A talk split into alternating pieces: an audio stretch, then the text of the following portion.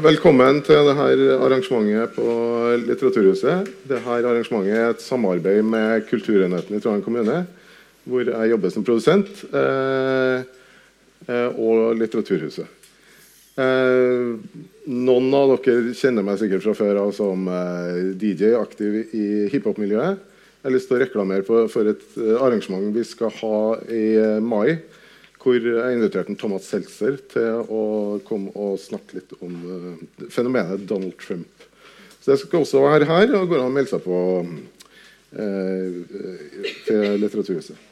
I dag skal vi snakke om uh, den om, veldig omtalte og smått kontroversielle psykologen Jordan Peterson. Og I den anledning har vi invitert psykolog Peder Kjøs fra Oslo til å komme hit. Applaus for Peder.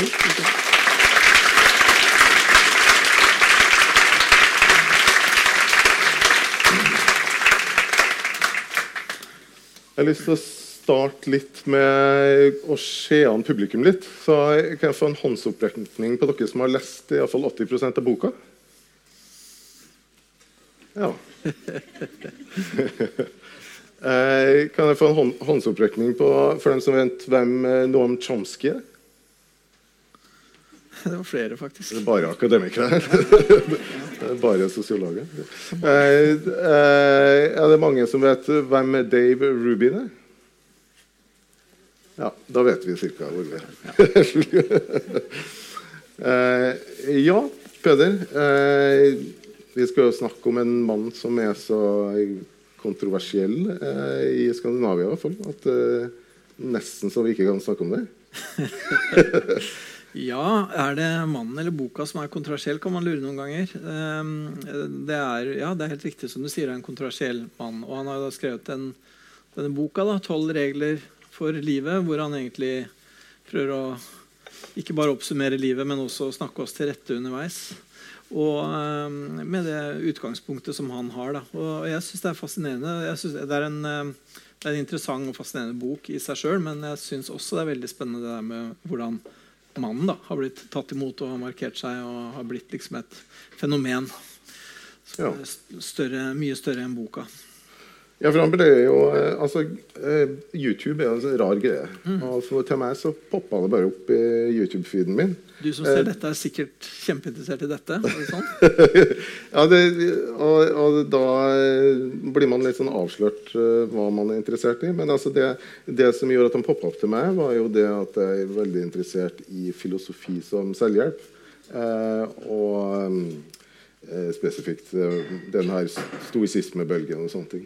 Og da kommer da Jordan Peterson i feeden min, og oppdager da en mann som, eh, som er da veldig kontroversiell fordi at han har uttalt seg om en lov i Canada som berørte transseksuelle. en lov som på grunn for å motarbeide mobbing av transseksuelle skulle gjøre det påbudt å bruke transseksuelle pronomen, ikke han og henne, men alternative pronomen, for transseksuelle. Det protesterte Petersen på, eh, og sa det at han hadde ikke noe imot å bruke pronomen, men han eh, mente at det her var første gangen at noe i hele tatt var påbudt per lov å si.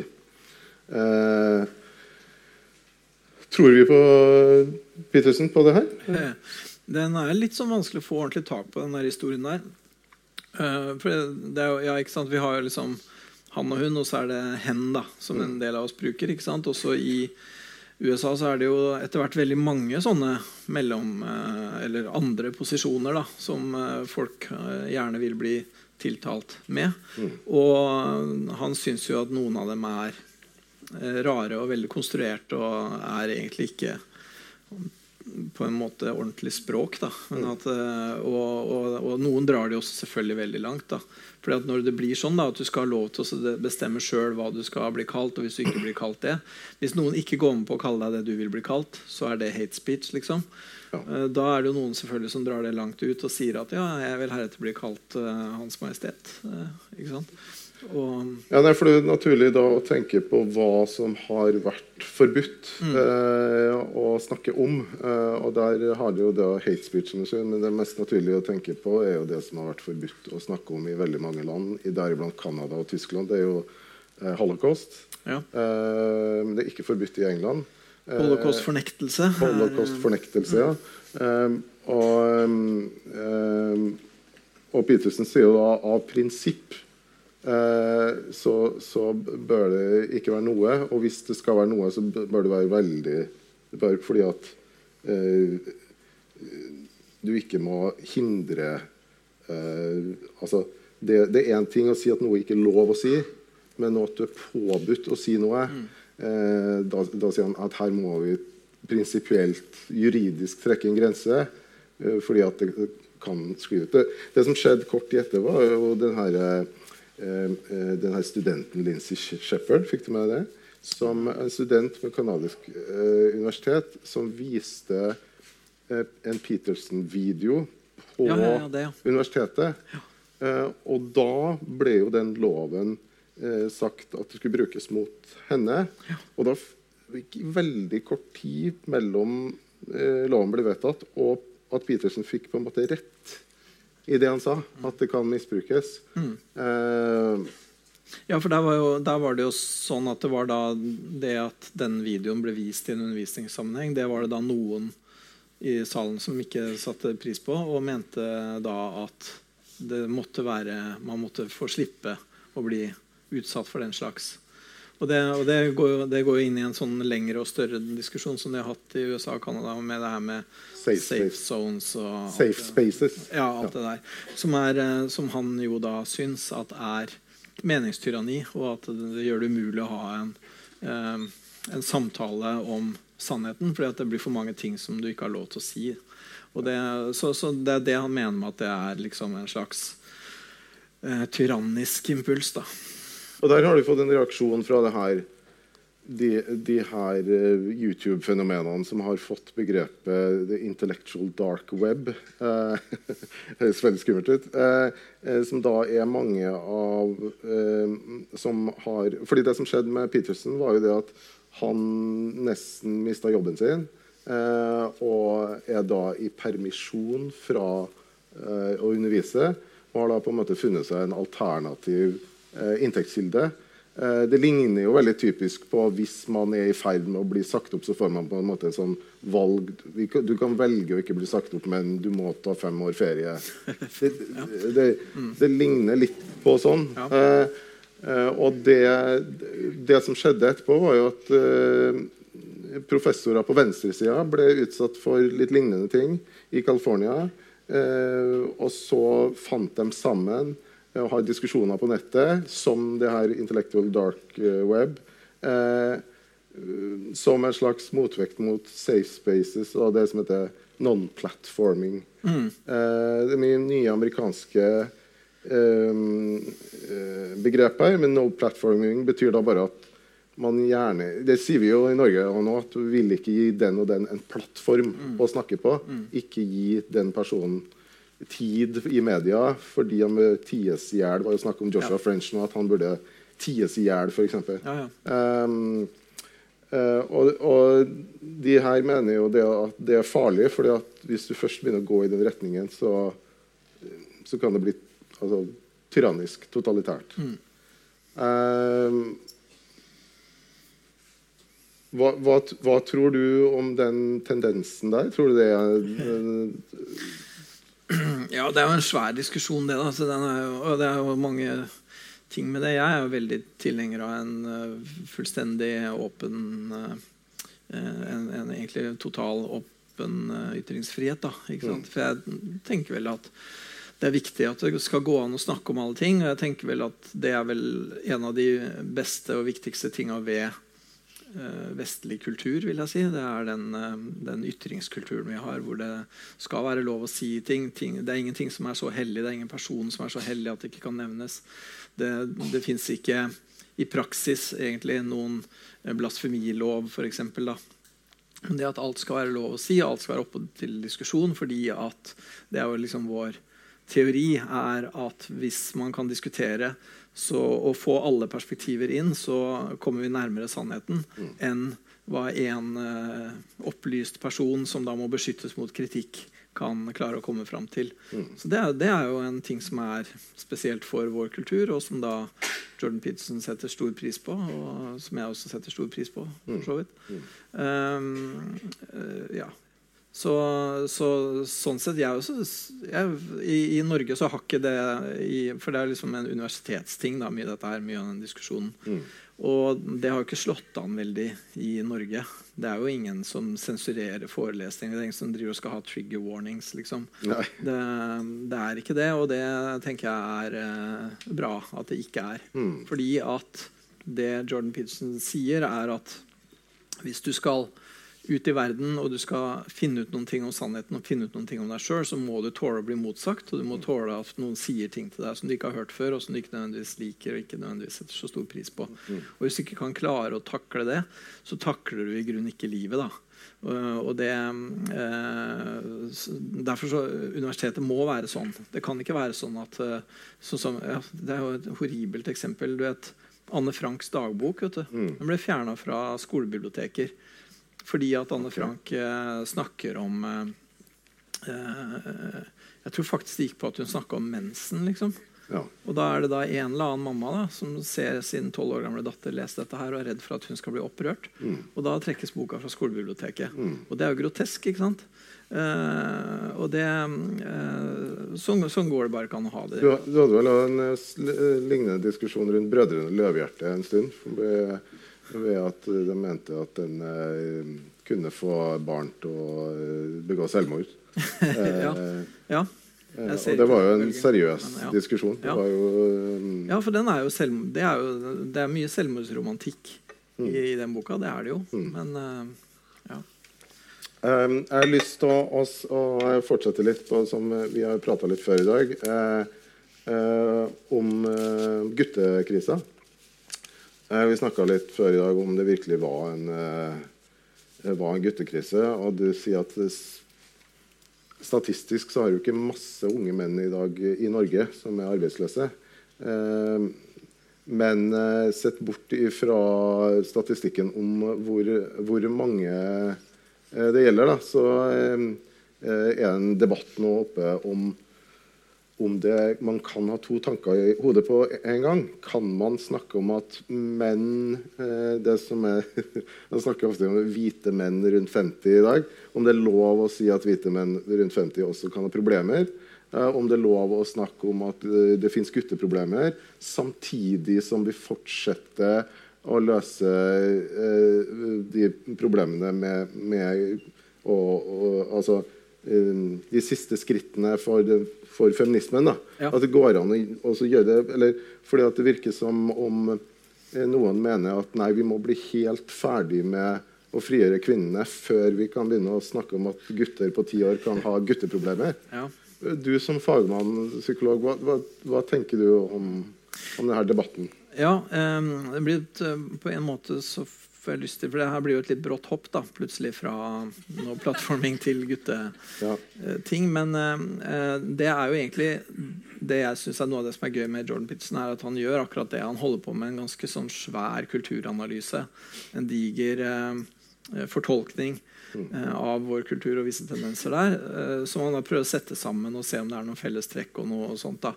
Og da blir jo bl.a. det der med Er det sånn nå at vi er i ferd med å lage et samfunn som ekskluderer eh, gutter, eller, eller det maskuline? da. Eh, og- så det, det blir jo da for han et uh, naturlig spørsmål.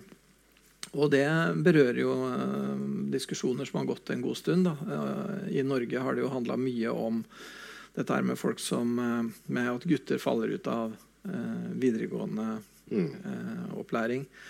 Um, og, og Det er det ene. Og det andre er disse her eh, mennene som ikke får seg kjærester. da. Mm. Sånn incels har jo også blitt Vi, vi lærer mye språk fra Amerika. Ja, det er mye nye ord. Ja. Ja. så incels det er da involuntary celibate, altså ufrivillig sølibat. Ja. Så det er menn som ikke får seg, da, på norsk. Så, så, hva skulle det hett på norsk, da?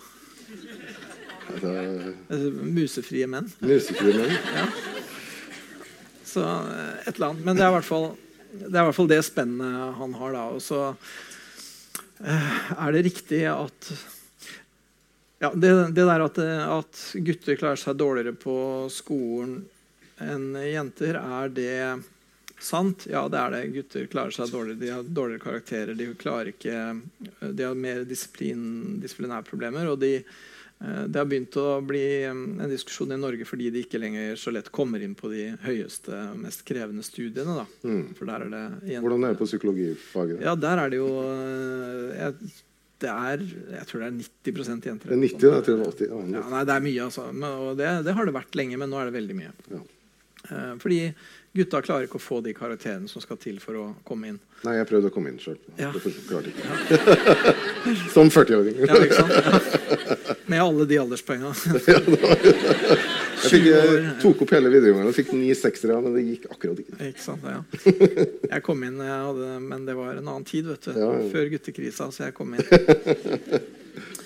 Um, det der med videregående, det er en sånn bekymring for Noe av det som jeg har hengt meg litt opp i når det gjelder det med guttekrisa, er at, at, det er jo kanskje litt sånn feministen i meg. Da, det med at når det er noe som er vanskelig for gutter, så er det mye mer krise enn når ting er vanskelig for jenter. på en måte. At, ja. at um, Hvis det var sånn da, at gutter uh, plutselig gjør det mye dårligere på skolen. Hvorfor har man da ikke vært bekymra i 100 år for at jenter har gjort det dårligere? liksom? Mm. Uh, hvorfor blir det vanskelig først når det er gutter da, som, som faller ut? Mm. Så Det er jo det ene. Og det andre er hvorvidt det er sant at gutter faller ut. da. Mm. Og det er vel egentlig en god del ting som tyder på at, uh, at uh, det kanskje ikke er hvis du ser i enden da, av utdanningsløpet, hvis du ser i yrkeslivet. Mm. For I yrkeslivet så er det fortsatt sånn at det er menn som har de best betalte jobbene. og eh, det er eh, ja, Nå er det vel egentlig i Norge nesten like høy sysselsetting blant kvinner som blant menn. Men eh, det er fortsatt litt forskjell. Men menn tjener fortsatt mest, og de fleste ledere og de fleste liksom, i høye posisjoner og sånt er jo, er jo menn. da. Um, så, så, veldig dyp er vel ikke krisa sånn sett. da. Men, men Um, Petersen kommer fra en annen, eh, litt annen verden og snakker mye om USA. og Det er det han sier som svar på, at eh, ja, du har mange, du har et få du har et lite antall menn øverst som styrer det meste. Ja. Eh, men så har du veldig mange nederst. Og I Norge så er jo ikke det eh, noe stort problem i tall, men hvis du går i en amerikansk storby og ser antall menn som lever på gata, eh, så ser du Eller antall menn som er i fengsel, som har eh, gjort eh, alvorlige kriminelle ting, så har du helt andre tall. Men så har det også alltid vært, alltid vært menn som har dominert i kriminalitet og fengsler og rusmisbruk og egentlig alt som er dårlig, da, er eh, menn eh, dominerende på. Um, så, så, det, så det er også litt sånn som egentlig kanskje ikke er så nytt. da. Men, hvorfor det har blitt så veldig synlig nå, det, jeg vet ikke. Det er jo mange, Kanskje mer på venstresida, mer den feministiske leia, mener vel at det kanskje ikke er en så stor forandring i praksis og i statistikk, og sånn, men at det er en forandring i interesse. Da, og at det er en interesse som altså, Det blir en slags backlash. da, fra, Det har vært eh, mye fokus på feminisme og på utjevning og sånne ting. og så da nå blir det veldig fokus på eh, kanskje mer sånn verdikonservativt syn på hvordan kjønnsroller og sånn burde være. Da, og, at de, og så er det jo en ting som er eh, en, annen, en, annen, viktig observasjon, er jo det at veldig mange av de eh, yrkene som eh, menn ofte har dominert i, er i ferd med å forsvinne. ikke sant? Sånne, Ja. Mer sånne Vi kanskje få en sånn utvikling på sikt. da. Ja, og, og, og ja, sånn som f.eks. For Forsvaret, da, som jo har vært en kjempesvær arbeidsplass Ja. også i Norge, og som ikke er det lenger. Nå er jo det ikke eh, og, eh, ja, og flere andre sånne, sånne ting. Egentlig alle jobber hvor det er lurt å være eh, stor og sterk. Da. Mm. Eh, de, det, det er stadig færre sånne jobber. Men, men når jeg vokste opp, eh, eh, så hvis du satt bakerst i klasserommet eller bakerst i bussen, så eh, Før min tid så kunne du bli sjømann, men så Det vi gjorde, var liksom det var, Du kunne starte band, starte liksom breakdance crew og skrev graffiti over hele byen. Og, det er den nye oljen, hiphop. ja. Eh, men altså, du hadde subkulturer å gå til. da. Mm. Eh, du, hadde, du, kunne ta på deg en slags uh, identitet uh, rundt det at jeg pass, passer ikke inn i samfunnet. Jeg, og, så, og så um, levde du ganske godt på det sammen med deg sjøl.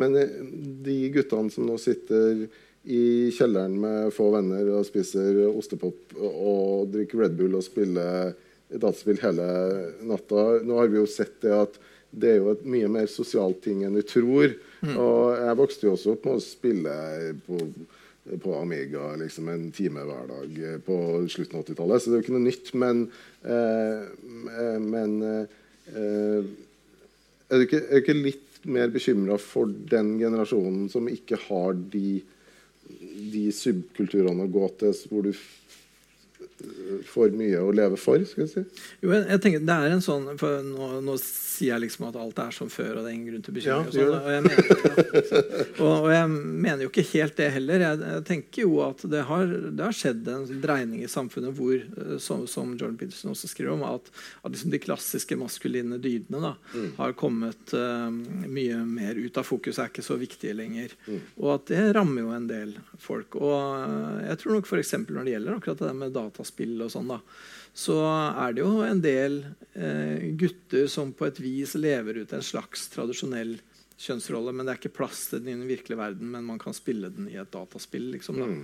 Med um, å være um, stor og sterk og uh, dra ut på eventyr og alt det greiene der. Mm. Uh, som, som, ikke er så lett å gjøre i det virkelige livet lenger. Det er ikke så lett å, å dra på sjøen. ikke sant? Mm. Da må du være fra Filippinene hvis du skal det. Ja, liksom. så, eh, men, uh, og, og, og, de sitter der, og, og de kommer seg ikke ut. For det som har vært tidligere, har vært at menn har da dratt ut i verden, og så har de gjort manneting, og så har de eh, vokst på det, og så har de blitt bra pappaer av det. liksom. Mm. Mens de her eh, gutta de sitter jo egentlig Det er som om de er ute i verden, men de er jo ikke det. De er ikke ute i verden, de er egentlig i kjelleren til mora si. ikke sant? Mm. Og eh, eh sitter der og eh, og holder på. Og så kommer de seg ikke ut. Og når de først kommer seg ut, så er det jo ingen jenter som vil ha dem fordi at Jentene har jo i mellomtida eh, brukt flink pike-syndromet sitt til å få seg mastergrader og sånne ting. Så de vil jo ikke ha disse her eh, gamerne. Hvorfor ikke? Nei, hvorfor ikke? Hvis du kunne velge. og det kan de. ikke sant? Damene nå de kan jo velge, da. ikke sant? Og de velger ikke de der. Og de velger heller ikke arvingene på landet. ikke sant? Mm. Eh, hvis du, hvis, før i tida, hvis du, hvis du liksom skulle være eh, hot hos damene. Så hvis du da var odelsgutt, så var det en bra ting. Nå så er det jo Du må for all del ikke si til noen at du er odelsgutt. Mm. Hvorfor, hvorfor stiller eh, jentene så høye krav? Fordi at de har uh, trådt inn i yrkeslivet på en helt annen måte før. Og de har, det er ikke lenger sånn at alle uh, jenter drømmer om å bli hustru og mor, og det er, det, det er deres vei til selvrealisering. Nå har de de får seg utdanning, og de har tenkt å bruke den. Mm. De har, og de har tenkt å jobbe med noe spennende og interessant. Mm. Gjerne et sted hvor det er høyskoler og universitet, og sånn, og det er det ikke på landet. Mm. Um, og, og, de vil, og, så er det også sånn um, så, så, det er liksom det utradisjonelle med kvinner. Da, at, mm. at de um, legger lista mye høyere enn før. Uh, samtidig som de jo beholder en sånn tradisjonell side, som er at de veldig gjerne vil ha menn som er eh, rikere enn dem og eldre enn dem og faktisk også høyere enn dem. da Og, og mm. ja, de vil, ha, de vil ha ordentlige menn, da. Mm. det, og, ja. når, når, vi gikk på du som har lest forskning, og sånt, du vet jo at her, statistikken på det viser jo at det er jo sant. Det er jo ikke kontroversielt ja. å si det. Nei, nei, men det er fortsatt så er det kontroversielt å si, si, det. For hvis du sier det, da, at ja. rundt på landsbygda så sitter det masse menn som, ikke, som damene ikke vil ha, ja. så får du høre fra de mennene at de føler seg rakka ned på, og de blir sure og lei seg. Mm. Og så får du høre fra damene at de blir framstilt som overfladiske og dumme. Og... Men statistikk er statistikk, liksom. Mm. Så, så, det er faktisk sånn. Men når, men når vi gikk på barneskolen og ungdomsskolen og og de peneste jentene i klassen var helt uoppnåelige. Så, mm. så drev vi og prøvde å finne hvorfor. Hvorfor er det sånn? Hvorfor er det sånn? Mm. Eh, og så Eh, og, og, og så blir det på en måte fortalt at uh, det ikke er sånn som du sier. da. Eh, sånn at man, Før så var det sånn at da eh, gutta gjorde ting for å vise seg fram for å få damene. Men så fikk du en generasjon som tror at nei, nei, vi, skal, vi trenger ikke det. Vi trenger ikke å vise for damene at du er tøff. og... Tvert imot. Du må være veldig myk og, Ja, og god. og så springer de peneste dama med den tøffeste karen likevel. Hva er greia med det? Ja, jeg, jeg vet ikke. Jeg, nei, jeg, jeg, på en måte så skjønner jeg dem, da. Jeg gjør jo det. Men, eh, ja. men det er det er, jo, det er jo et sånt paradoks der. ikke sant? Og det som, eh, En ting som Jordan Peterson syns er veldig interessant med de skandinaviske landene, er dette her likestillingsparadokset da, som det har vært en del snakk om i det siste. Dette her at Jo mer likestilt det blir, jo mer like, jo mer like muligheter. da, For det er jo like muligheter det handler om. Mm. Og det, man kan vel egentlig si at i Norge og Sverige og Danmark og Finland så har vi kommet relativt langt i at kvinner og menn har ikke så ekstremt ulike muligheter da, som det da pleide å være. Mm. Eh, og da når eh, mulighetene blir likere, så velger folk mer tradisjonelt og ikke mindre tradisjonelt. Ja, er det virkelig sånn? Det er, det er litt sånn sjokkerende. Det Ja, og, det og der er det jo det er litt sånn, det er jo diskusjon om hvorvidt det er sånn eller ikke. da, men, ja, men, ja, det er mye debatt i avisene det. Ja, men det at, det at, uh, eh, at det er f.eks. en del damer i litt sånn eh, middelklasse og oppover og sånn, som nå veldig gjerne vil være hjemme lenge med ungene, f.eks. Hvis mannen Tjener godt. Tjener og har godt. råd til det. Ja. Ja. Og begge er godt fornøyd med det, liksom. Som er en sånn ultraortodoks måte å innrette seg på, egentlig. Er det rettferdig å si det? Sånn I forhold til de, de kvinnene som tenker at du, hvis, du har, hvis du kan være sammen med Ja, nei, jeg de det godt, små, jeg. små barn, Ja. så Ja, og det, og det er mange som vil det. Men det er jo da Er det da ikke likestilling? Det man kan si, det er jo klart det er ikke likestilling på den måten at kvinner og menn lever forskjellige liv. Men de kunne ha valgt noe annet. sånn at likheten i muligheter da, er i hvert fall mer lik enn det har vært før. Og da, og da at man likevel velger mer tradisjonelt, det vil jo da Petersen og andre som er litt mer sånn konservative og som er opptatt av eh, genetikk og av dypere kjønnsroller og sånn, vil jo si det at det er fordi at damene velger eh, Når de får fritt valg på øverste hylle, så velger de det eh, hjertet begjærer, og det er tradisjonelt. Men eh, der, da protesteres det jo og, og greier. Og spørsmålet mitt er um, Fordi mange reagerer på når Petersen snakker om det her. Og da lurer jeg på om det vi som samfunn har oppnådd med bølge nummer én og to av feminisme, er det virkelig så skjørt at hvis for mange velger å bli hjemme med småbarn i to år, så vil det på en måte hindre den positive utviklinga vi har hatt for kvinner? Altså, jeg tror ikke det, da, men nå, da beveger vi oss over i spekulasjonen igjen. ikke sant? Men jeg øh, syns jo det er veldig fint hvis det er sånn at man har eh, mest mulig like muligheter, og at da folk likevel velger forskjellig. Det tenker jeg det må jo være greit. Jeg, ikke, jeg syns ikke at man og, kan ha som mål i et samfunn at det skal være nøyaktig like mange kvinnelige som mannlige ingeniører. For for hva skal man da gjøre hvis det ikke er sånn? Da skal man da eh, ta noen mannlige ingeniører og eh, plante dem om til en barnehage, og så tar man noen damer og tvinger på dem en ingeniørutdanning? Hva skal man gjøre, liksom? Men er Det det, er det, fordi at man, er det ikke fordi at man, man på en måte er redd for at hvis man ikke får 50% kvinner i styrerom, og sånn, så, så det, kan det begynne å gå bakover igjen? Altså at man, er, Jo, at, at man er mener at den utviklingen for at den er for skjør til at vi, eh, vi kan ikke begynne å snakke om menns rettigheter nå. Det blir for tidlig fordi at det vi har oppnådd for kvinner, vi er ikke ferdige ennå. Mm. Uh, um, hvorfor, hvorfor er det så mange som er så nervøse? Ja, um, hvor skal man begynne da?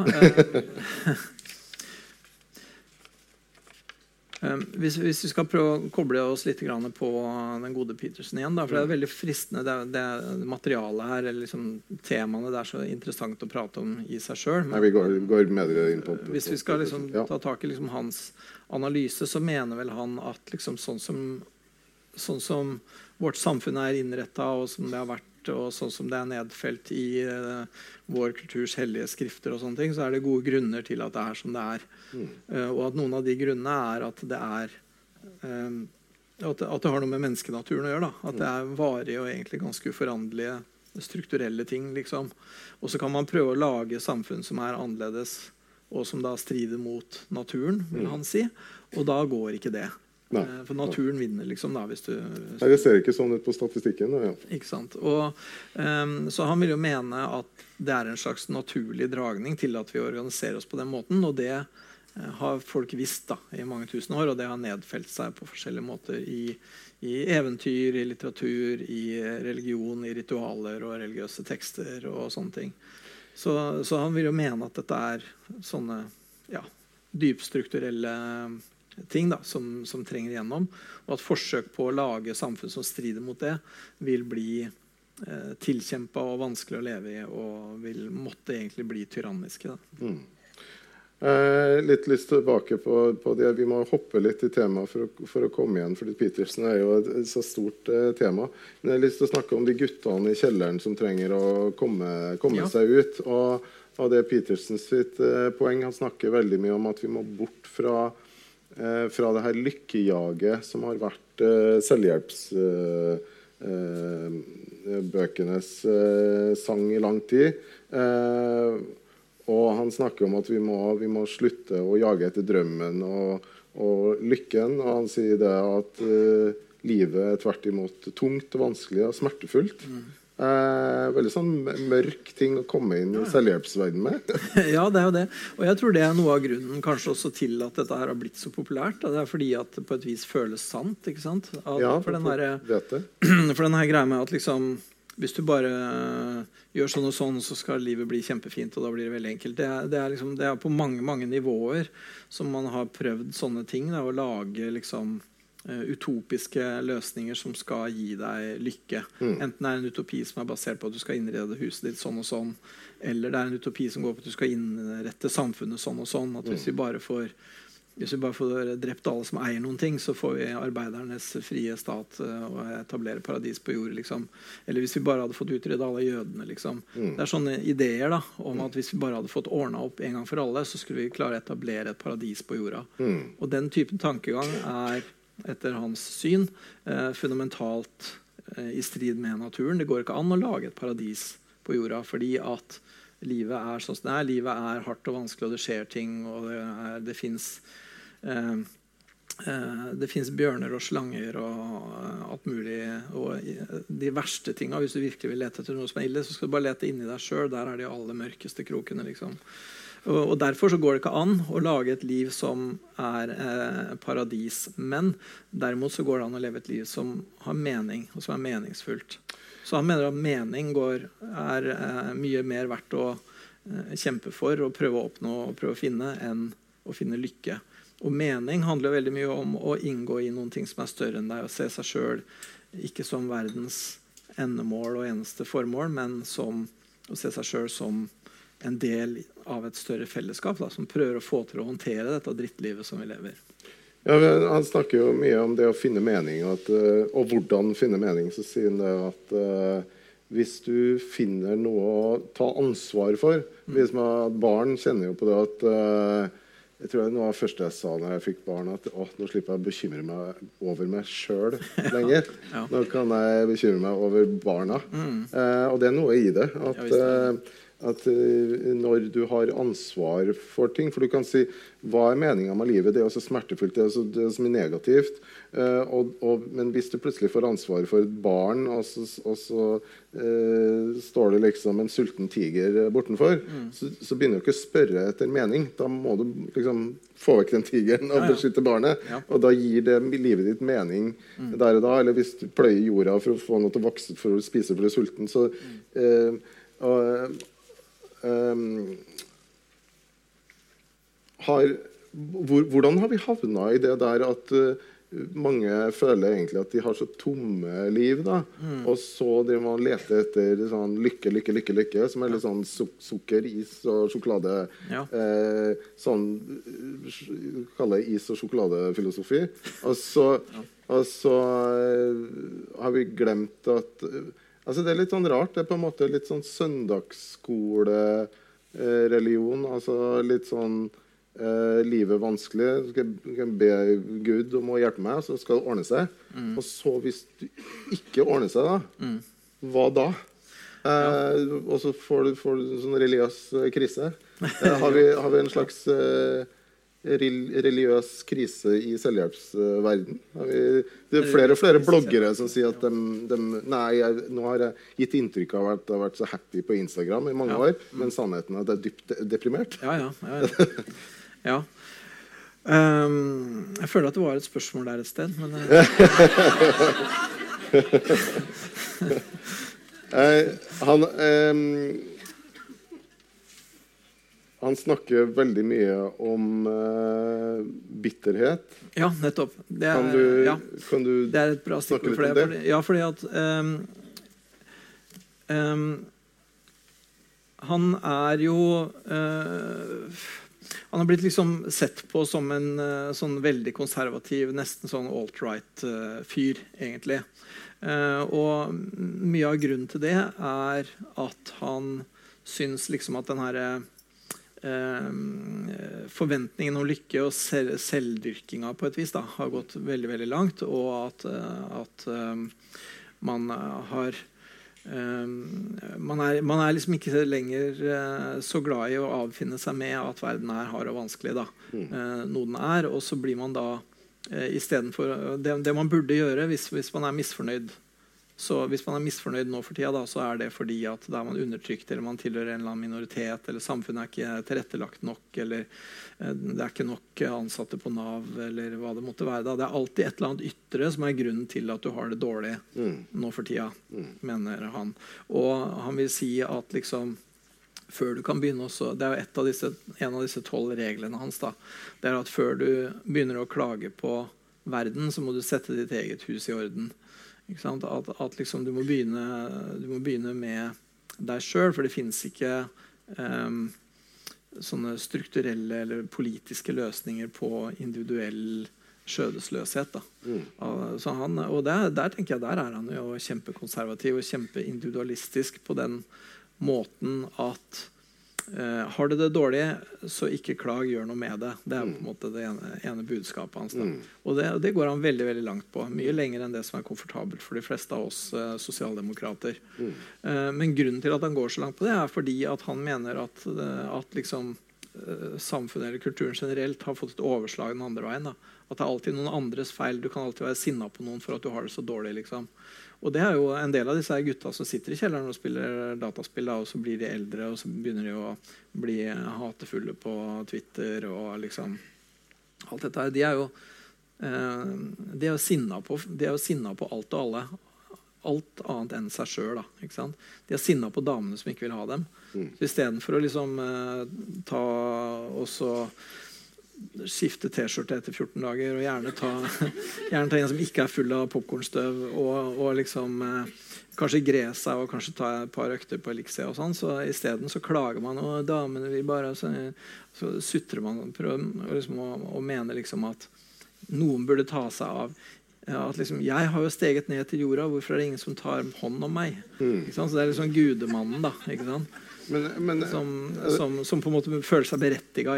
Og det er jo den kritikken som veldig mange sånne eh, menn eh, med min hudfarge på min alder eh, blir kritisert for. Det er at vi mener oss berettiga til alt mulig. Og det mener jeg det er vi da. Men eh, det Nei, men i hvert fall det altså, er vi- Victim culture kaller han det. Altså. Victim culture, ja. Ja. Og, og, og det, det er på en måte egentlig Det fins ingen som ikke tilhører en eller annen undertrykt gruppe, hvis de bare ser godt etter. Ikke sant? Eh, Vil uh, Jordan Peterson mene. Og, og som motvekt til det så, så setter han det at da må du skikke ditt hus. Da må du liksom, som det jo står i Bibelen også, ikke sant? Og du må liksom ordne opp i ditt eget. da og um, Urhistorien der er historien om Kain og Abel. ikke sant? Eh, som jo er de første egentlig, menneskene på jorda. fordi at de var de første som ikke de første menneskene som ble født. Mm. de første menneskene med navler, faktisk, er de to. Har du tenkt på det? Ja, faktisk. faktisk. Det har du tenkt på. Um, og Kain og Abel var jo to brødre. Den ene Kain var, eh, drev med jordbruk eller med grønnsaker og frukt og sånn. Og eh, Abel holdt på med Han var gjeter.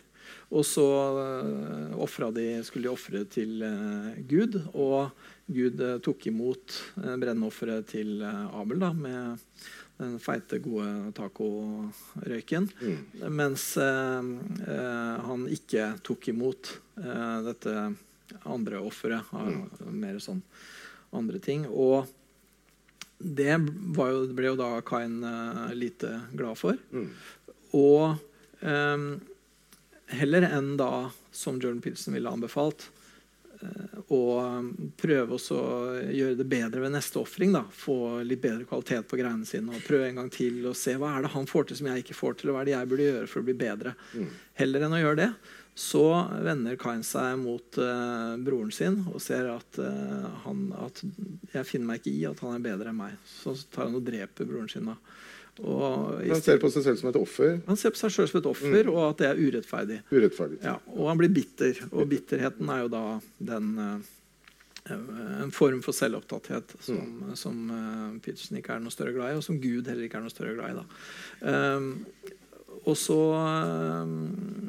ja, og så, og så Det fins jo egentlig utrolig mange sånne Kain og Abel-historier hvis man først begynner å se etter dem da, mm. i, opp igjennom i vår kultur. Ja, for det er en av hovedpoengene til Petersen. Han sier at hvis du klarer å løse det der i deg selv fordi at Han sier vel noe om at uh, han, er, han, siterer vel Solzjenitsyn, uh, som jeg tror som sa noe om at uh, i stedet for å se samfunnet på en måte hvor du deler det opp i, i de som er offer, og de som er vinnere, uh, siden at problemet går på tvers av enkelte, hvert enkelt menneskes hjerte, ikke i samfunnet. At det er der det må løses et problem. Mm. Eh, og, og Solzjenitsyn er jo helt ekstrem. Han var jo, For de som ikke husker det, så han da en slags krigshelt, vel, egentlig, men som ble satt i en av disse her eh, fangeleirene. I, Gulag, en ja. slags sovjetisk konsentrasjonsleir. Ja. Og Hvorfor han havna der, husker jeg ikke, men var, han ble anklaga for et eller annet. Eh, og så havna han der. Og fikk da se liksom, kommunismen fra, virkelig fra nedsida. Mm. Og heller enn å tenke at liksom og samfunnet suger, og Gud er urettferdig. Istedenfor å tenke det, så tenkte han hva er det jeg har gjort feil? Hvorfor sitter jeg i denne konsentrasjonsleiren? Hva har jeg gjort gærent? Mm. tenkte han, Det er en radikal tanke der du sitter. Mm. Uh, og han tenkte jo, det jeg har gjort gærent, er at da uh, kommunismen vokste fram, så var jeg med på det. Jeg protesterte ikke. Enda i kommunismen så er det sånn at du skal ikke se det du ser, du skal ikke høre det du hører. Det, det er spioner og alt, det er løgn, og alle vet det, og alle er med på det. Mm. Og da er det med på å bygge et imperium som ikke tåler sannheten, som ikke tåler å bli motsagt. Og et sånt imperium vil før eller siden ta deg, mm. og nå er det deg. Mm. Så hva skal du gjøre? Jo, du må fortelle om dette her. Så skriver han denne boka si, da, 'Gulag-arkipelet', som egentlig eh, beskriver sovjetsystemet som, den, eh, som det egentlig gjennområtne løgnsystemet det er. Mm. Og så Den boka slo jo an ganske godt. Mm. Så, og den boka var nok Den velta vel Sovjet, egentlig? Ja, den var vel egentlig en sterkt medvirkende årsak til um, at hele Sovjet uh, Eh, staten ble problematisk. Mm. Og hvor seinere da det var Gorbatsjov som til slutt liksom ordentlig dro ut pluggen. da. Mm. Eh, Mikhail Gorbatsjov og datteren til Jordan Pitson heter Mikaela. Så, så oppkalt etter Ja, oppkalt, oppkalt etter Gorbatsjov. Ja.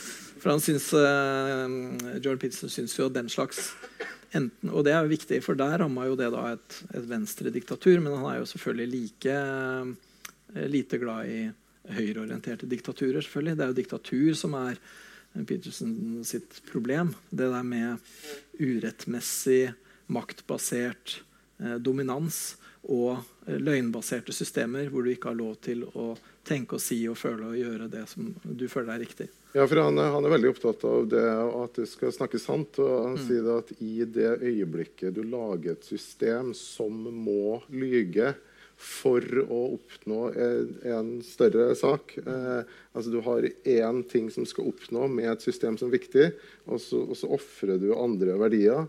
Eh, da sier han at da vil du automatisk få tyrann, tyranni fordi at du bygger, du bygger, du bygger på en løgn mm. eh, i utgangspunkten. Mm. Og, ja. og der, der, er jo han også eh, veldig opptatt av det her med hos eh, enkeltmennesket òg. Og, og det, og når han snakker også om um, eh, om mannen, eh, mannssamfunnet, som, som, som, blir kritisert som et eh, har vært At han snakker om at du har hatt tyranni, mm. at menn har vært tyranniske. Men han sier at det her er viktig å, å ikke si at alle menn har vært tyranniske, men det fins en, en arketype som er den tyranniske mannen, mm. og det fins den frihetselskende, frihetskjempende mannen. Ja, og Der gjør han seg jo upopulær, fordi der går han jo løs på egentlig feminismens analyse, da, som går på at dette her eh, hierarkiet eh, er eh, egentlig litt det samme som eh, Sovjetunionen. Da, at, eh, at, det sitter noen øverst som styrer, og som egentlig ikke burde styre, fordi at de er ikke de beste. De er ikke de best egna. De de sitter der fordi de er født til det. De sitter her fordi de er menn. Mm. Det, vil jo, det, vil jo, være den feministiske analysen av patriarkatet. Mm. At det er patriarker som styrer, og det er ikke noen grunn til at de skal styre, annet enn at de har makt til det. Mm. Og at de er urettmessige og urettferdige, og at de undertrykker de under. Mm. Og så Uh, gjør jo da Petersen seg upopulær ved å være uenig i det. Han mener jo at grunnen til at menn styrer, det er at mennene er flinkest. Da. At de er best. Det er de som, hvorfor er det menn som er de, i disse styrene, f.eks.? Jo, det er fordi at menn er risikovillige, og de tør det, og de har de sosiale ferdighetene. De har den uh, evnen til å liksom stå på for sitt perspektiv og alt det greiene der sånn som trengs i sånne styrer, f.eks. Mm. Vil han mene, da. Mm. Og der er det jo man kan virkelig begynne å diskutere. Og der, der tenker jeg ja, Det er vel liksom et av de punktene hvor jeg er sånn ordentlig uenig med Jordan Pitson, er akkurat det der med uh, dette her med feminismen. For på en måte så har han rett. Det fins en sånn, det en sånn bitterfeminisme som, hvor alle er offer, og alle damer er offer, og alle menn er, eh, er eh, tyranner. Mm. Um, nesten per definisjon, liksom. Mm. Og det er bare rett og slett ikke sant. Mm. Um, det, det, var menn som fant opp p-pillen, f.eks. Mm. Det ville jo aldri gjort hvis de hadde vært ordentlige patriarker. Men, um, og, ja, masse sånne eksempler. Men, men i hvert fall, altså Hvor var det jeg ville med det? Um, skal vi litt inn på det her når han beskriver eh, kaos som feminint og orden som maskulint? Ja. Inn der, fordi at der, der, jo, der, er jo han veldig misforstått. For at man tror at han da sier at uh, menn, menn, symboliserer orden, og kvinner eh, kaos. Ja. Men det han snakker om, er jo da han snakker om jungianske begrep og ja, ja. Da, daoistiske begrep. Ja, og det blir jo fort vanskelig. Det, det, blir fort vanskelig, men hovedsakelig det han sier, er vel at både menn og kvinner har en maskulin og feminin side symbolsk. altså det, det ord man har valgt å bruke i tradisjonell jungiansk psykologi, da, som igjen baserer på, baseres på en del gamle indiske ting og, og buddhistiske ting. og sånt. Så, og da, eh, Der han, han, på en måte blir eh, bli misforstått? Hvordan kan vi, Går det an å rydde opp litt i det der? Ja, altså, Én ting er jo at han rett og slett er ganske tradisjonell. da. Så Han, jo, han innbyr jo til å bli misforstått når han mm. f.eks. mener det. da, at, at Han mener vel egentlig på en måte at det ikke er eh, helt sant at kvinner har vært så undertrykt. Og det er jo bare rett og slett feil. Mm. Hvis du ser på historien, da, så som um, ja, i, i, går var jeg og hørte et uh, foredrag med uh, Marta Breen, mm. uh, en av mine favorittfeminister, da, mm. um, som snakka om det her med hvordan kvinner har fått rollen som en sånn slags muse da, for menn som da uh, gjør store ting. For kulturmannen? Ja, for kulturmannen. Mm. Og, og, og for eksempel sånn som, uh, sånn som Virginia Woolf, for eksempel, som var allerede som barn så var hun et usedvanlig talentfullt uh, lite menneske. Mm. helt, helt særegne evner. Mm. Og faren så det. Og Likevel så plasserte han henne og søstrene i sånn eh, dårlig eh, hjemmeundervisning, for de skulle jo bare bli koner. ikke sant? Mm. Mens eh, gutta de fikk gå på ordentlige skoler og sånn. Mm. Og Virginia Woolf hun var jo da resten av livet rasende på faren sin for at han hadde tatt fra henne muligheten mm. til å lære da, da hun var et barn. ikke sant? Mm. Og er det, er det, rettferdig å kalle det for Kains bitre raseri, liksom? Mm. Det at hun er sinna for at hun ble satt i den posisjonen, så kan man da si nei, du må ta ansvar for deg sjøl. Hvis du vil eh, ha kunnskap, så får du skaffe deg det. da.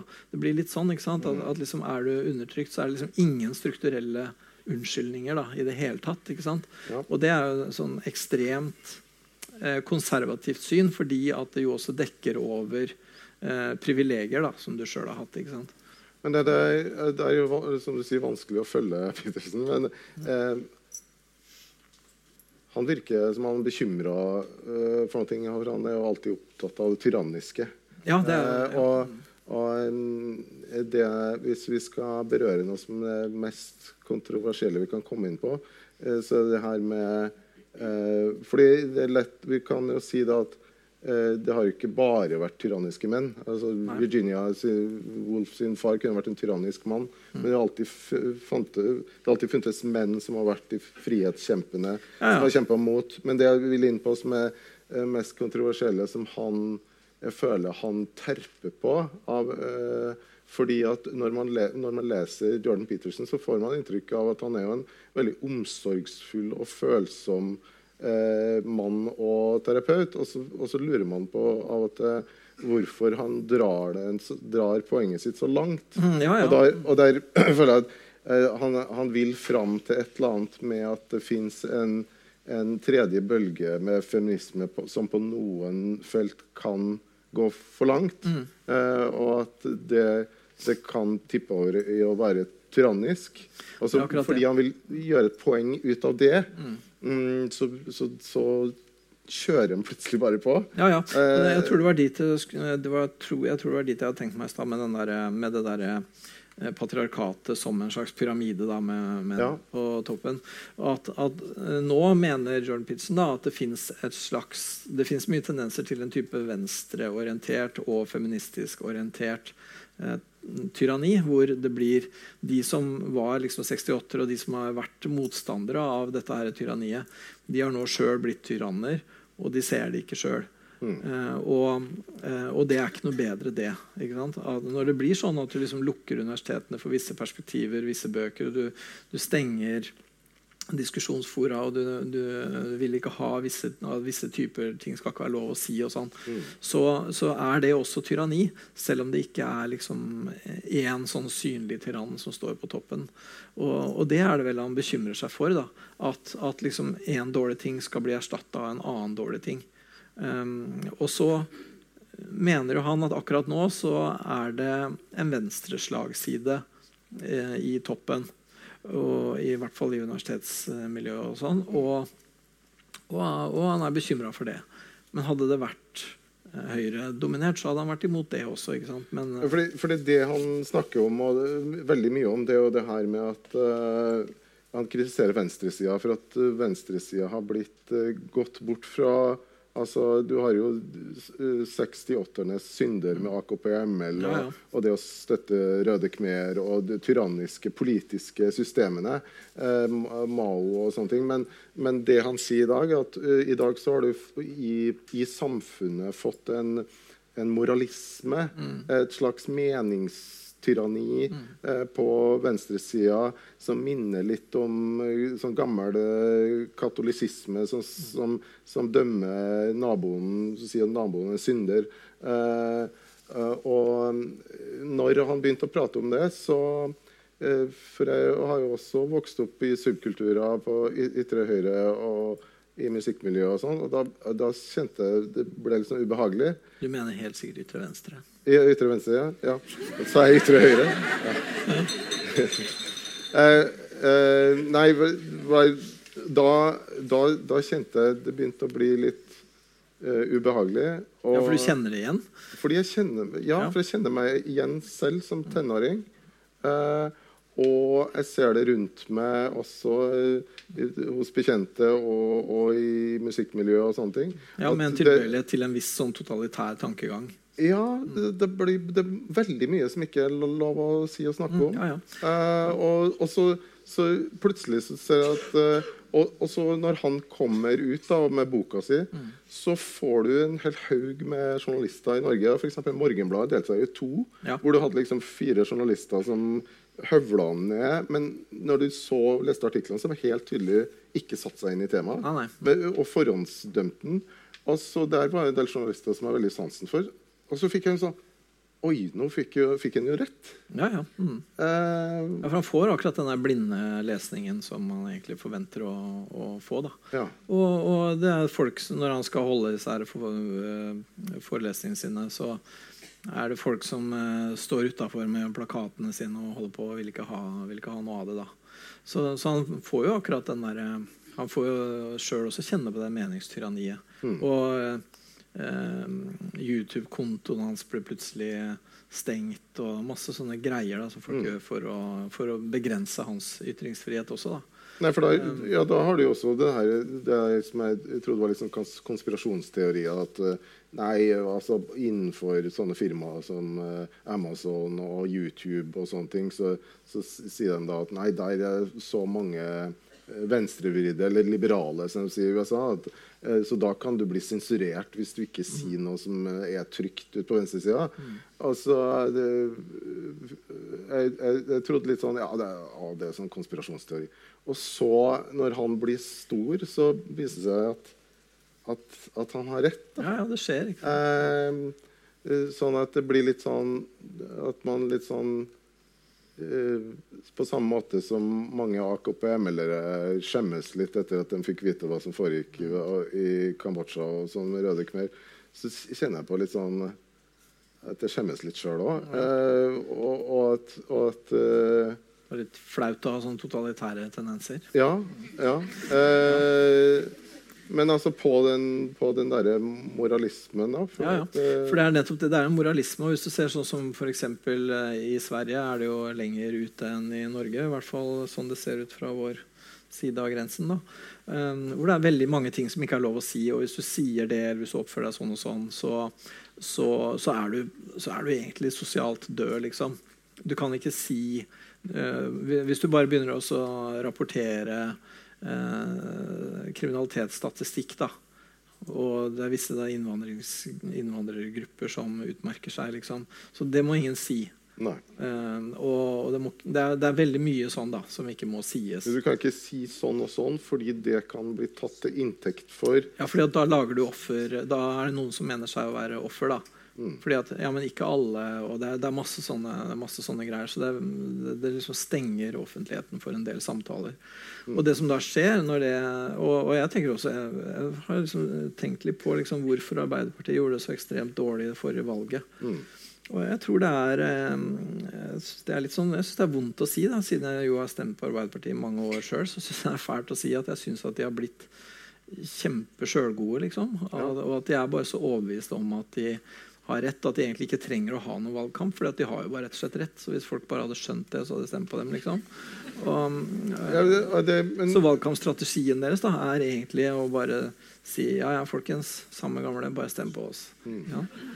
Og, så, og alle som da sier noe annet, nei, da er de, nei, de, som, de som mener noe annet, de er for et kaldere og hardere samfunn. Og, og hva er det? Det er moralisme. Det er ikke en analyse. Det er egentlig ingenting. Du sier bare at vi er for et varmt og inkluderende samfunn. De er for et hardt og kaldt og grusomt samfunn.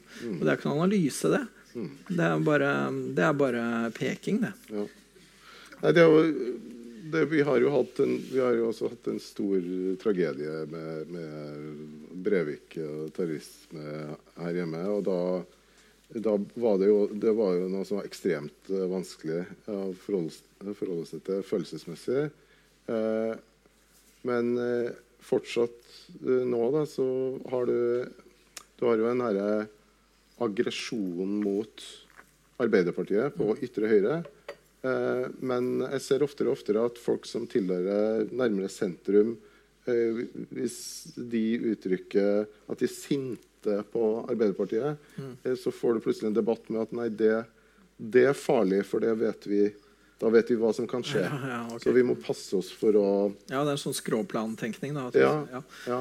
det, Ja. Man, er, man er veldig redd for at det er en sånn Plutselig kan alt bare skli. Ja. Plutselig kan, plutselig kan det komme en demagog og fange Ja, ja. alle, og så kan Og alt veldig, skli. ja, du blir veldig slått sammen med ting. da. Ja. det, som et, med et glimrende ord kalles hitling. ikke sant? Hitling ja, eller brunskvetting. Ja, at Hvis du ja. sier et eller annet som ligner på et eller annet som et eller annet fryktelig menneske har sagt, så er du på det laget. liksom da. Mm. Og den måten her å tenke på, det å tenke sånne lag, liksom, er uh, skummelt. Og der vil uh, Jordan Pitson ta til orde for en type ansvarliggjøring av individet, da, eh, heller enn det også at det skal være sånne gruppetilhørigheter som bestemmer.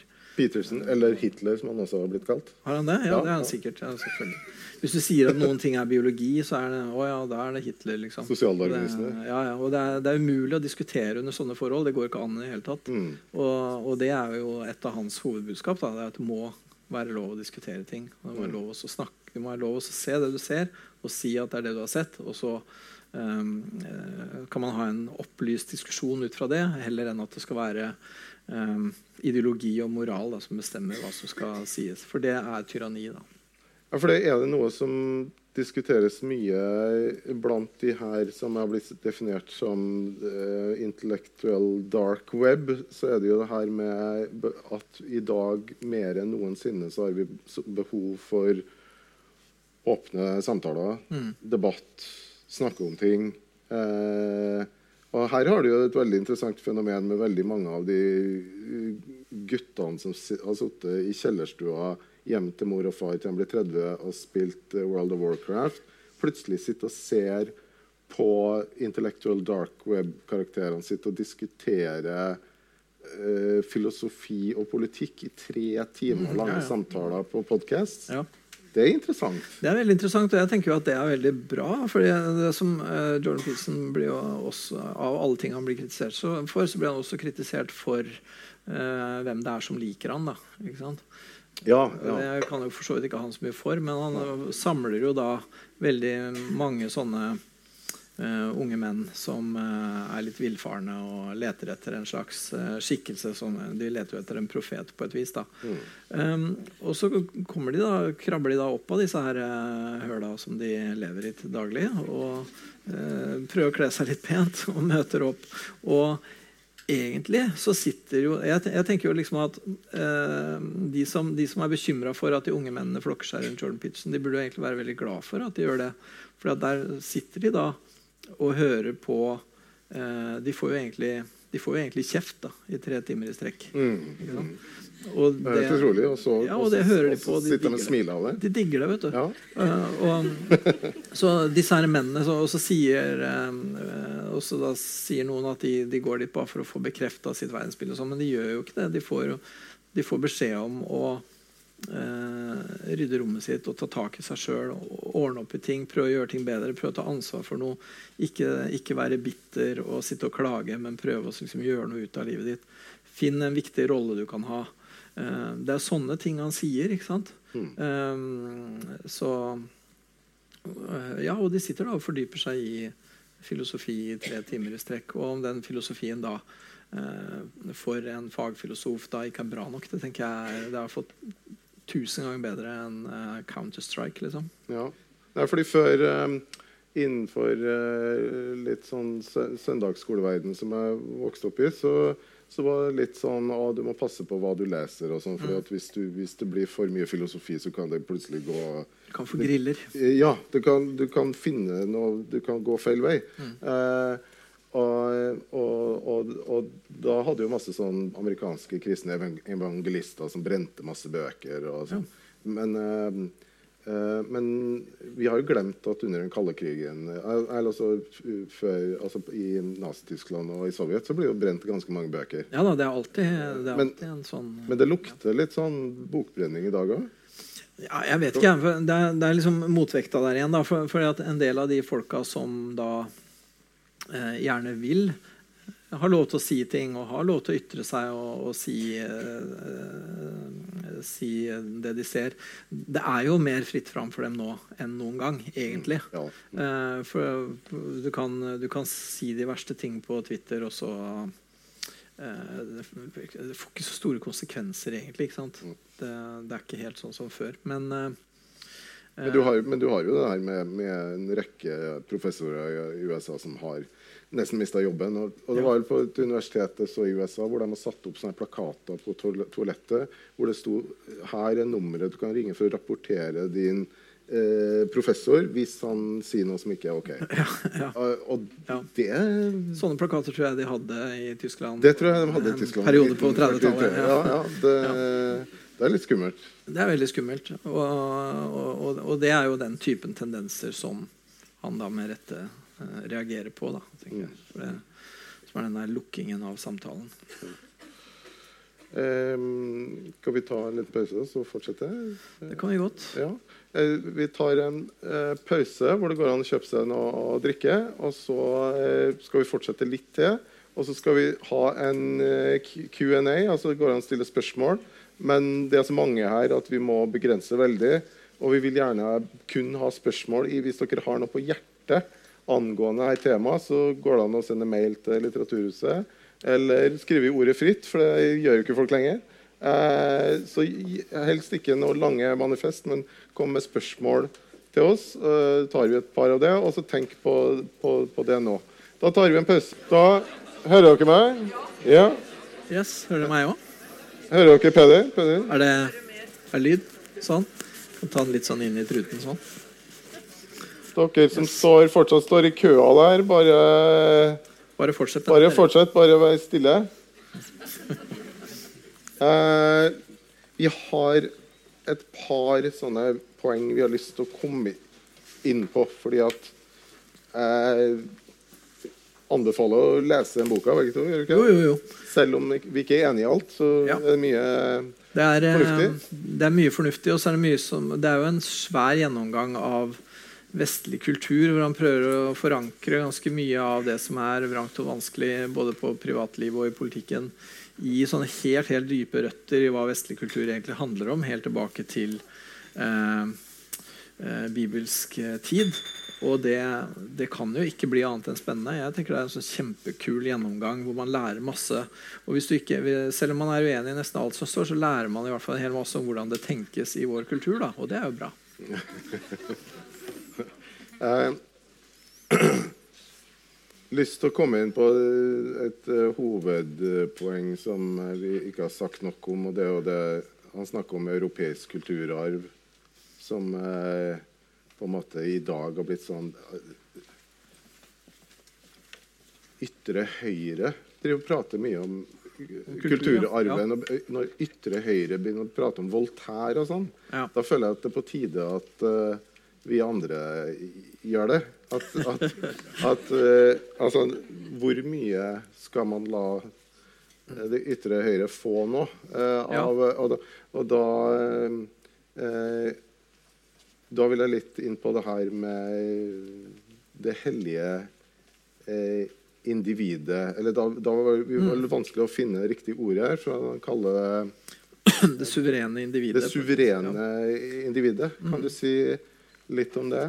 Ja, for Suveren betyr jo i den sammenhengen ikke at det er fantastisk eller strålende, eller sånt, men at det betyr at det, er, at det rår over seg sjøl, og, eh, og at alle har like stor verdi. Og sånn, og det der er verdier som egentlig er eh, vestlige. Da. De har jo veldig mye røtter i kristendommen, og også tidligere enn det, men det er egentlig ganske spesifikt knytta til kristendommen. Det der med at det her fins det ikke jøde og greker, og det er liksom, alle er like for Gud. og det er, har, det er ikke hva du har gjort, og det er ikke liksom standen du er født inn i, eller kjønnet, for så vidt. Det er, det er liksom eh, det, det det gjelder, er liksom ditt forhold til Gud. Det er du og hjertet ditt og Gud, liksom. Det er, det, det er der slaget står.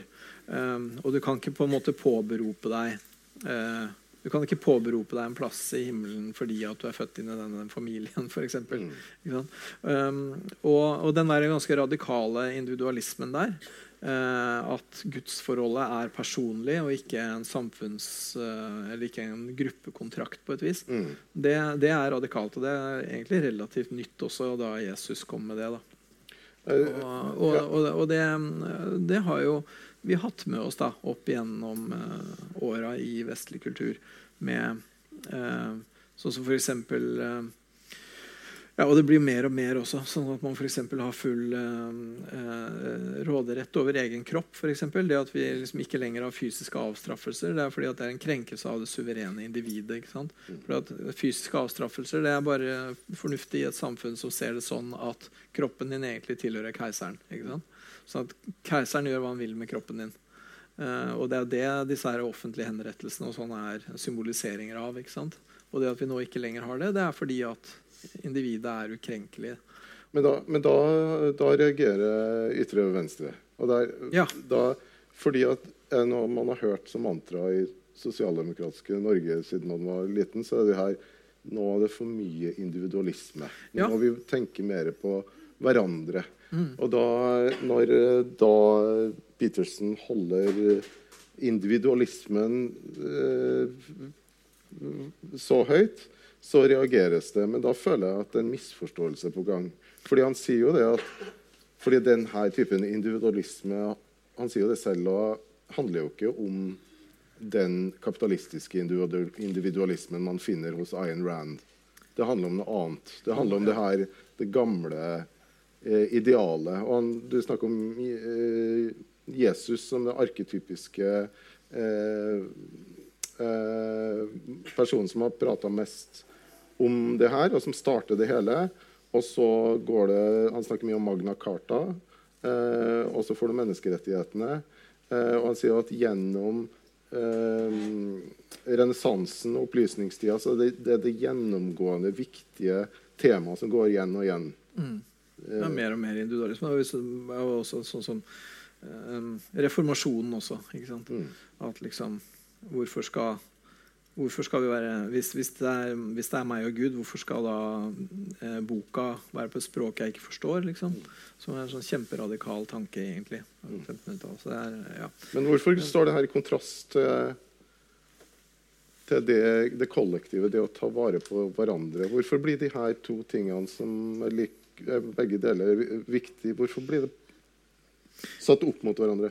Ja, Det er jo en motvekt til eksempel å tenke at liksom de, vesentlige kontrast, eller de vesentlige konfliktene i samfunnet går langs en klasseakse. For eksempel. Mm. Hvis du tenker at, det er, at verden, Hva er verden? Jo, det er eh, arbeiderklassen mot eh, borgerskapet. Og Er du på den ene sida, så er du der, og er du på den andre sida, så er du der.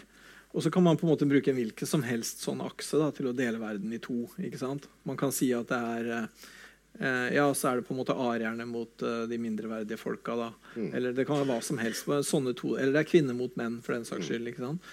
Hvor man liksom deler verden inn i grupper. Mens i kristendommen så er det sånn eh, Det er ikke hvem du er født til, det er ikke hvor du hører hjemme. Det er deg. Det er deg og Gud. Ingenting annet. Og det er det han liksom vil tilbake til litt, da. Eh, med dette her eh, Med annet det her med at eh, han ikke er så glad i bitterhet, f.eks. Mm. Som Det det han kaller det her nye begrepet identitetspolitikk. Ja, identitetspolitikk. Og det er sånn, ja. Vi kan ta en egen kveld om det en gang. Ja. Det. Men uh, en ting som uh, han, uh, De bibelske historiene er jo en ting, men dette er som stikker så innmari dypt i vår kultur at vi har alle mulige fortellinger og historier som handler om dette her. Og en av Jordan Peterson sine favorittfortellinger er eh, Disney-filmen om Pinocchio. ja, vi må snakke litt om Disney-film. Ja, vi må snakke om Pinocchio. Peterson. For Pinocchio, hva er det for noe? ikke sant? Jo, det er en eh, mann som lager en gutt av tre, og det det handler om, er denne tregutten sitt forsøk på å bli et menneske. Det er det den filmen handler om. ikke sant? Og det er fantastisk flott. Det er, eh, Geppetto da, er da eh, på et vis en slags gud som skaper mennesket uferdig, og så må mennesket skape seg sjøl ferdig. Eh, og Pinocchio reiser ut i verden og tenker at det er eh, å gå på skolen og sånn, det er jo tungt og trått. da, Så han blir med disse her gutta til denne øya hvor han får eselører og jeg vet ikke, ja, det er masse Drikke øl og røyke sigar. Drikke øl og røyke Ja. sigar, faktisk. Ja. det er ikke så mye av det i barnefilmer nå for tida. Men det gjør Pinocchio, da. Eh, og så, så han reiser ut i verden. Fordi at hvis du skal bli et menneske, så må du forlate hjemmet ditt og du må ut i verden. Og så må du prøve deg, og så må du kjempe, og så må du møte motstandere som er større enn deg, f.eks. denne hvalen som han blir slukt av. ikke sant? Og hvalen er jo også symbol i Bibelen. Det er jo Jonas som ble, var tre dager i I Valens buk. ja. Hvalens buk, og Jesus var også tre dager i graven før han sto opp. ikke sant? Ja, ja. Så Det er på en måte et sånt ursymbol. da. Og Pinocchio var da også i Eh, Eh, det- Men han er jo en tredukke, er og en tredukke. likevel om han har forlatt hjemmet, så er det noen tråder ja, er men sånn så da- kappes trådene, og så er han jo da ute og blir på en måte forført, og forfører seg sjøl fordi han er dum og uvitende og egoistisk. Mm. Og så blir han slukt av hvalen, og, så og så har da Geppetto også blitt slukt av hvalen. Så finner vi hvordan skal de komme seg ut av denne hvalen. Mm. Og så eh, er det jo sånn at når Pinocchio ljuger, så vokser nesa hans. ikke sant? Så han begynner også å ljuge da for eh, Geppetto, sånn at de får da et langt stykke tre som de kan sette fyr på. Så blir det røyk, så hvalen hoster dem opp. Sånn at liksom, Fantastisk. det er fantastisk. sånn at, liksom, at når du virkelig, virkelig du prøver alt du kan å bli et menneske, og til slutt så kommer du til det punktet hvor du til og med må ljuge for den du er mest glad i i hele verden.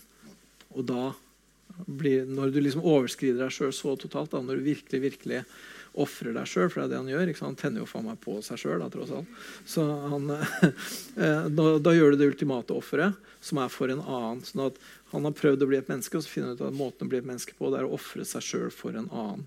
Og da, etter det så er han jo en menneskegutt. da. Men, så, men Så for oss som var glad i å skulke ja. skolen og, og røyke på baksida av skolen, så var det litt sånn hard historie der. Ja, nei, jeg syns ikke det. Det er håp for deg også. Slutter med det taggetullet ditt. Og så, og, så, og så blir du på en måte en menneskegutt du også til slutt. Ja. Og det, er, og det er bibelhistorien, og det er historien om eh, Israel. og Det er på en måte en sånn, det er en urhistorie. ikke sant? Og det er sånn Jordan Peterson holder på. Og det er, derfor, det er en av de gode grunnene til å lese boka. det er at han går så systematisk til verks på den typen ting, da, som jeg syns er veldig han, Underholdende. han, det, han sier noe der om at Pinocchio går og redder sin far, Gebetto, i hvalens buk, som på en måte er, han er den europeiske kulturarven som han har mista, eh, som han trenger å hente fram igjen, eh, sånn at vi igjen kan eh, hente fram gamle helter som Voltaire og, og snakke om det. Og, Det er det Pinocchio burde gjort. Han burde satt fyr på en Voltaire-bok istedenfor nesa si. Eh, føler vi har vært gjennom eh, mye. Vi kunne ha sittet i flere dager og snakka om det. Det er et stort, eh, veldig stort tema. Det er det. Mye å ta for seg. Og ennå har vi ikke snakka om Askepott, f.eks. Og Tornerose. Ja. Eh, ja, og vi har ikke snakket om kulturkrigen, og det, det er veldig mye. Men, jeg, men jeg har lyst til å bare reklamere litt for at det nå har skjønt eh, kan være viktig lesning i tillegg. Du, eh, det er som Jordan Peterson Han, han eh, For meg så Jeg leste en del stoisisme før jeg leste Peterson. Og da tenkte jeg ah, ja, ja, ja, en, en til som har oppdaga stoisisme. Men Jordan Peterson, når han blir konfrontert med det, så sier han nei, nei, nei. nei. Og da får jeg litt sånn at, det er noe, at han er litt sånn eh, forfengelig. Så Hamsun ville jo ikke innrømme at han hadde lest Dostojevskij, f.eks. Eh, men, eh, men en ting han sier han har lest, det er Joseph Campbell. Mm. kan du si litt om det? Ja, eh, Joseph Campbell var, var populær på 60-tallet blant sånn hippier. og sånt, for han, han skrev jo om dette her med at eh, det er en bok som heter 'Helten med tusen ansikter'. Som, Som har inspirert Star, Star Wars, Wars? blant annet. Ja. Fordi den, den går løs på det samme. Det er også sånn jungiansk inspirert. Du går liksom løs på historier og fortellinger, og så analyserer dem ned til hva de betyr på et sånn symbolplan. Og da eh, hvor da beskriver liksom helten som da den unge som liksom kalles eh, ut til eventyret, og som må forlate hjemmet sitt. og Så reiser du ut, og så opplever du masse ting. Og så får du den hellige gjenstanden. Så Hvis du ser Star Wars, da, så er den egentlig en ganske bra oppsummering av den boka. da. Mm. Den har skrevet helt sånn kapittel for kapittel. liksom. Ja, for Der snakker de to litt om det samme, om, om at er det noe som kan gi deg mening i livet. Så jeg, Ja. jeg brukte jo eksempelet å ta, ha omsorg for et barn. Han snakker om unge menn og det å eh, det hvis, hvis du vil kjempe for noe, ta en stor utfordring. Han sier jo selvfølgelig først at det viktigste at du du først rydder opp i deg selv på rommet ditt, som man sier, Ja. og, og ordner opp med deg selv sånn at du, du um, du, du eh, har tatt oppgjør med det som Jung kaller skygge, skygge, ja. skygger. Da. Men og så skal du gå ut og leve livet som et eventyr hvor du kan, du, du skal, du kan slåss og risikere alt. Og, og, og, Og noe av det første du møter på din vei, så fort du har forlatt eh, huset ditt, så møter du den gamle mannen som gir deg din fars lyssabel. ikke sant? Mm. Og så er det mange som mener at Jordan Peterson er liksom eh, er Obi-Wan Kenobi. da. Som, eh, som disse gutta går til for å få lyssabelen. Som de skal knekke leftist med. skal knekke Jeg, jeg tenker vi eh, Har du noe mer du har lyst til å Nei, skal vi se om det er noen spørsmål? Ja. Så tar vi spørsmål fra salen. tar vi tre eh, spørsmål, og så svarer vi på de etterpå. Det er lurt å ta tre, for da må de ta dem så kort at vi husker dem. ikke sant? Og så er det viktig at vi har ikke tid til at, vi, at Hvis noen har noe på hjertet, det har vi ikke tid til. Og, og hvis noen har lyst til å komme med lange manifest og sånn. Så poenget nå er hva vi har på hjertet. ikke sant? Så vi kom med spørsmål. Konkret, prøv å være så konkret som mulig. Finne noen triggerpunkter. Ja. Begynner vi her. ja. Army Dude over her. Ja. Hei. Um, Peterson sier at vi alle handler som om Gud eksisterer. Ja. Hva Vil du utdype gå inn på det? Ja, Det er veldig interessant ting han sier. det er Et av kapitlene hans hvor han begynner å skrive om disse Columbine-skyterne. Som påstår at de er ateister, og han sier at det er det jo på ingen måte. Fordi at de hater jo livet, og de hater Gud. Og at vi på en måte, fordi at Det spørsmålet ditt er jo et sånt veldig dypt spørsmål. Fordi at hva er egentlig Gud, da? Og eh, hva er Bibelen? Hva er de gamle skriftene? På en måte så er de oppsummeringer av menneskelig erfaring. ikke sant? Mennesket erfarer at verden er sånn som den er, og at verden på en måte Det går ikke an å lure verden, og verden ser deg alltid, og du blir konfrontert med det du har gjort før eller siden. Det er akkurat som det er noen som sitter og følger med på oss. Og så lager man seg en avbildning av verdensordenen og kaller den for Gud. Og så begynner man å tenke at denne guden har en slags selvstendig eksistens, og så begynner man å lage religioner og sånn, men egentlig så er det den dype menneskelige erfaringen av at det ser ut som det finnes et system, det ser ut som handlinger får konsekvenser, og at det går an å gjennomskue det. Og det går an å være på god fot med universet eller på ikke så god fot. Og det går an å være enten å gå med Gud eller å være en, en synder. da, ikke sant? Og sånn sett så mener da Jordan Peterson at det på et vis ikke fins eh, ateister, fordi at alle forholder seg til dette her, alle forholder seg til verden som noe som er større enn dem, og som var der før dem, og som, de, som vi må prøve å skjønne, og som vi helst bør være på god fot med, for hvis ikke så blir livet et helvete. da. Jeg sier jo også det at det er viktig å ha et ideal utenfor seg selv. Fordi at eh, vi, vi er ofte sånn arketypiske at vi har en god side og en dårlig side. Og da er det ofte sånn at vi identifiserer vår egen person så mye til og med med det som er våre negative egenskaper, at det er vanskelig å skilles fra det. Sånn at hvis vi har et større ideal utenfor oss selv, eh, så er det lettere å da eh, prøve å bli det idealet. da. Eh, og da, som han sier, da lettere, lettere av å, å burn off the deadwood, som han sier. da. Eh, Ja, og da er du på en måte, da er du, da er du på en måte Guds eh, Eller du prøver å ligne Guds sønn. da, Du prøver å tenke hva, hvordan ville Guds sønn ha vært, liksom. Så, ja, det, det er jo et bibelsk budskap her om at eh, eh, at han mener at budskapet som Tolstoy sier, at budskapet i Det nye testamentet er egentlig at alle skal bli som Guds sønn. Eh, målet er å bli et eh, godt menneske. Eh, Ja, og det er jo katolisismen også, at, at liksom, du skal prøve å få livet ditt til å være en imitasjon av Kristus. da, ikke sant? Og det er jo eh, å legge lista relativt høyt. det er å legge lista høyt. Ja. Så, jeg synes Særlig den der korsfestelsesbiten er jeg ikke så keen Ja, på. det er, begynne, begynne med Gandhi, kanskje. Ja, altså, ja. Ok, Allerede fravek vi prinsippet vårt om å ta tre spørsmål. ja, det er Sånn går det, Du må ikke stille så interessante spørsmål. spennende. Flere spørsmål?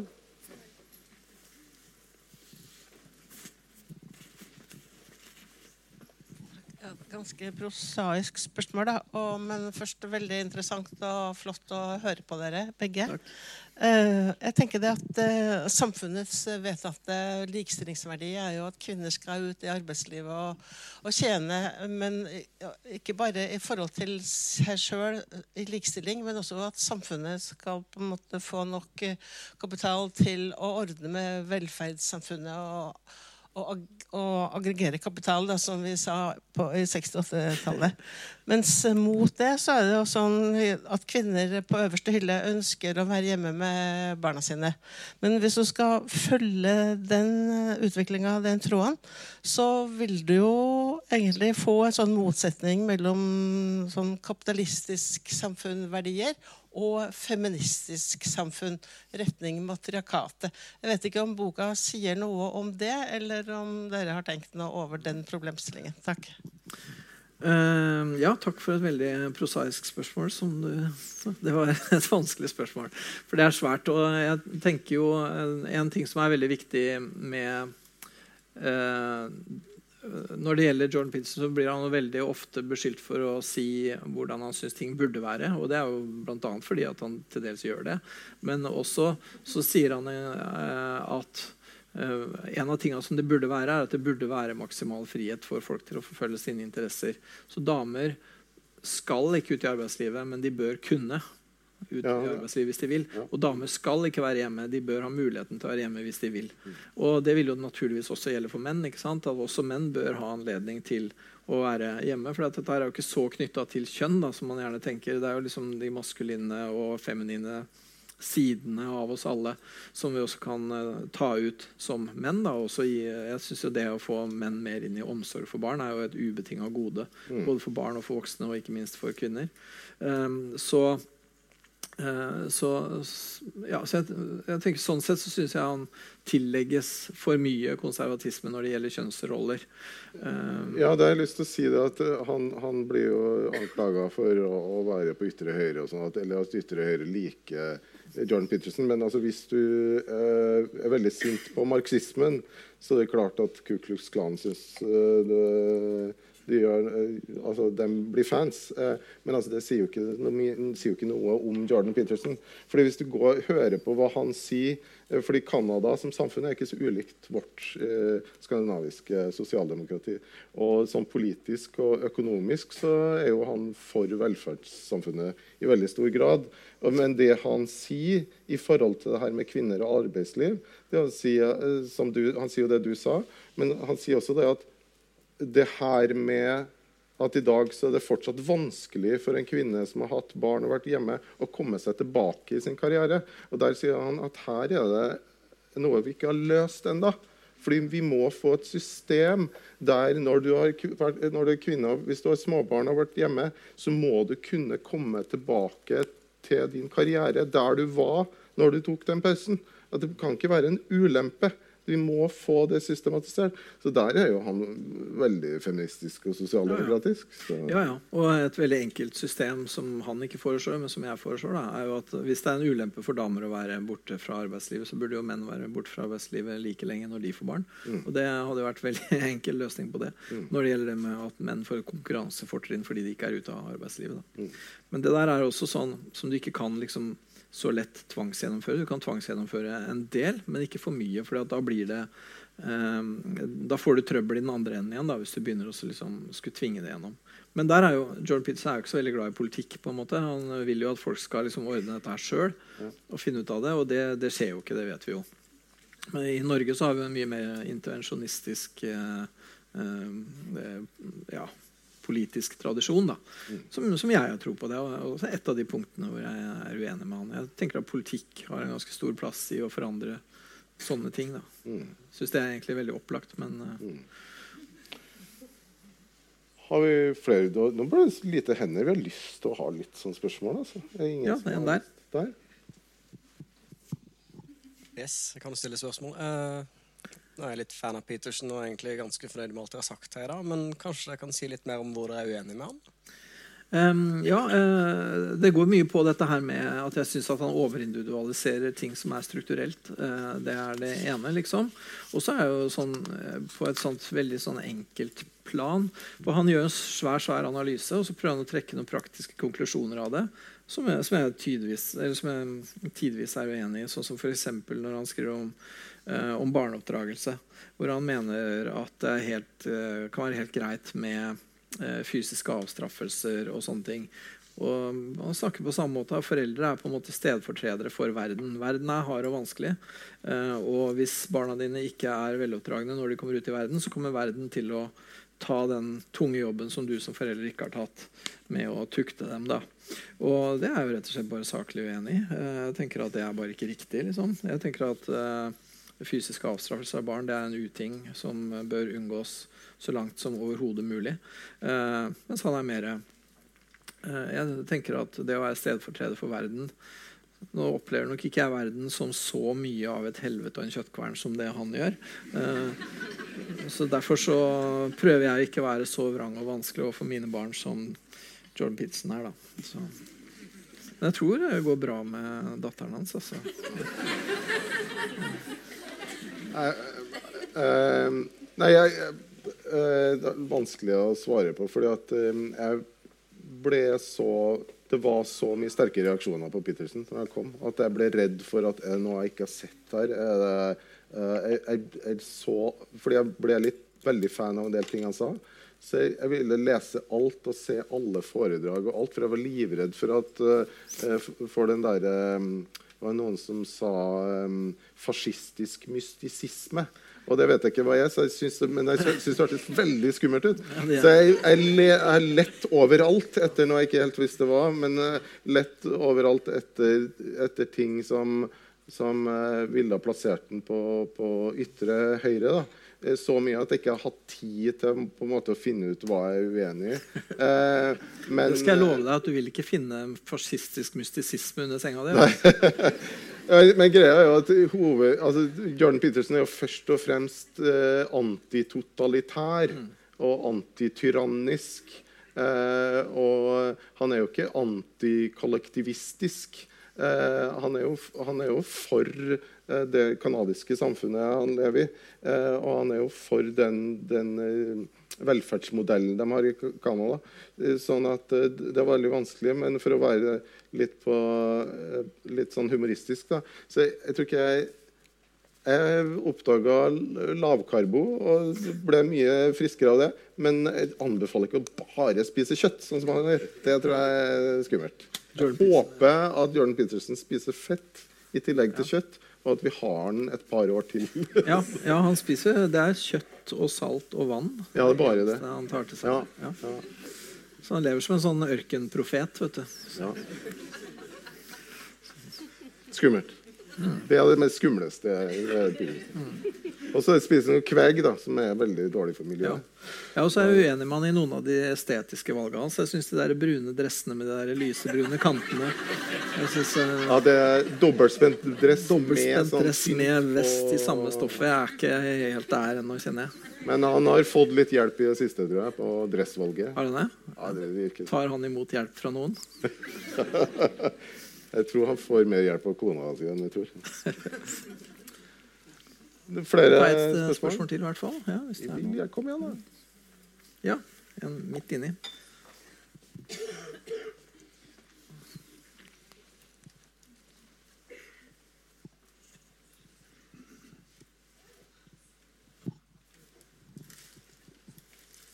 Hallo. Jeg lurer litt, litt på om dere kan si litt om diskusjonsteknikken til Jordan, Jordan Peterson. Ja. Jeg tror kanskje at det er en grunn til at veldig mange klikker på YouTube-videoene hans. ja. Blant annet at han eier en journalist eller en eh, reporter. Jordan Peterson eh, snakker jo i Han snakker egentlig på to måter. Det ene er at han har sånne ekstremt lange monologer. Da. Det er jo det som er formen hans. egentlig. Kjempelange monologer som er snirklete og vanskelig å følge, og hvor du virkelig må henge på som en eh, ørn hvis du skal få med deg budskapet, og hvor referansene hagler. ikke sant? Sånn at det er jo en, egentlig en veldig sånn eh, på et vis dominerende måte å snakke på. da, Og hvor du liksom eh, Du kan ikke på en måte bare bla litt, og så vet du essensen, og så begynner du å si noe. For da er det sånn Nei, men det var ikke det jeg sa. På, det er jo Den vanligste replikken i Jordan Pitson-diskusjoner er ja, men det er ikke det han sier. Ja. Fordi at på, ja, Han sa riktignok det på side 130, men på side, 190, eh, på side 986 nemlig, der sier han noe annet. Og, så det, er det at den, Noe av diskusjonsteknikken hans er at han er så jævlig tett at du virkelig skal henge på for å kunne ha en innvending i det hele tatt. Um, så Det er det ene. Og det andre er jo når han er i debatter, og det er veldig interessant og veldig spennende. fordi at det som er morsomt med han debatter, er jo et av hans råd til oss eh, arme mennesker, det er at vi skal lytte til de vi snakker med, fordi det kan hende det kan hende at de vi snakker med, har en tanke som er vel verdt å høre på. Um, og, uh, så Derfor så blir det jo til at i debatter så hender det at han tenker høyt. Han sier ikke bare ting som han har skrevet eller sagt før, han tenker høyt, faktisk. Og han skifter mening fordi at uh, f.eks. journalister eller motdebattanter sier noe smart. Og det er en veldig, er en veldig lite brukt debatteknikk. Eh, som også folk syns er veldig forvirrende. Ja, men I stad sa du jo at Ja, ja, men så sa du det, og da er jeg enig med deg. Det var godt sagt. Hvordan skal du ta en sånn mann? liksom? Ja.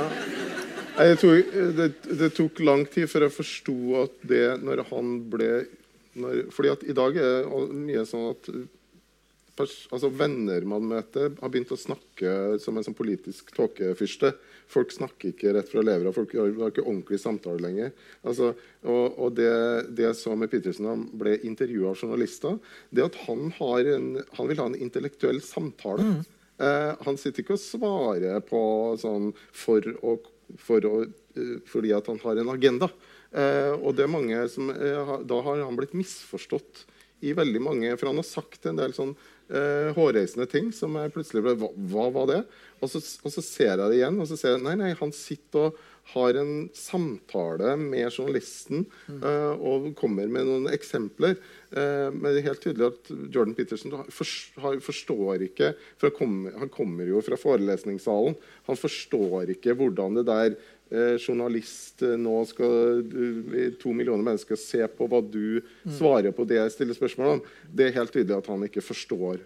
Og da, og da sånn står, fremstår da, så motsier han seg selv eh, hele tida. Mm. Så vi kan ta det eh, eksempelet med incels, f.eks. Eh, hvor, eh, eh, hvor hva, hva, var det engelske begrepet da? Om, om forced Forced Enforced, Ja. Enforced, monogamy. Så det var løsninga på menn som dreper kvinner som terrorister fordi de ikke får seg et ligg. Hva er løsninga på det?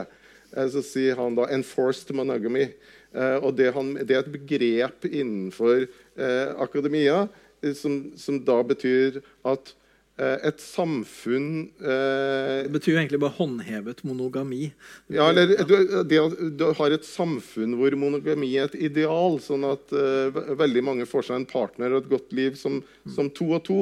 Det er motgifta. Men det, det man, alle journalistene har trodd han sa, det var at man skulle tvangsgifte kvinner med de her kvinnehatende incels. Eh, og det var selvfølgelig ikke det. Og det trodde en del av de incelsene, så de begynte å møte opp på forelesninger.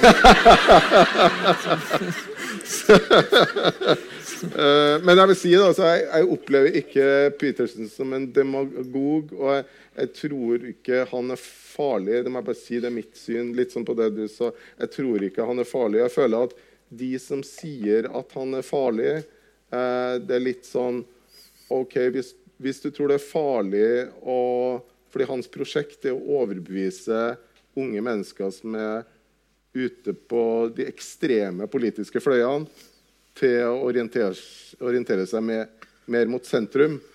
Og hvis man tror det er farlig øh, i stedet for kanskje løsninger på hvor ting går i dag, så, så, er det da farlig. Ja, han, er jo, han, er jo, helt ikke-konkret når det gjelder politisk handling. Han ber jo aldri følgerne sine om å gjøre noen ting. Og han har ikke noe politisk program. Han sier ikke at liksom, når jeg blir president, så skal vi bygge en vegg. Eller, han, han er ikke noe sånn der, gå og banke opp dem. Han har ingenting sånt. Han er liksom Nå må du skjerpe deg, gutt. Nå må du rydde rommet ditt, og så må du finne ut hva du skal gjøre her i livet. Mm. Og så, han, hva skal jeg gjøre her i livet? Nei, det er det du skal finne ut, da. Mm.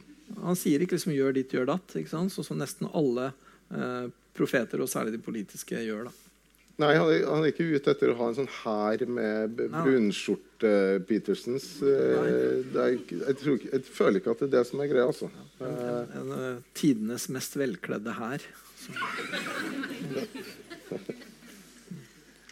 eh, men da så det ikke ut som det var, var, noe mer, så da får jeg bare anbefale arrangementet med, med Seltzer Eh, i mai.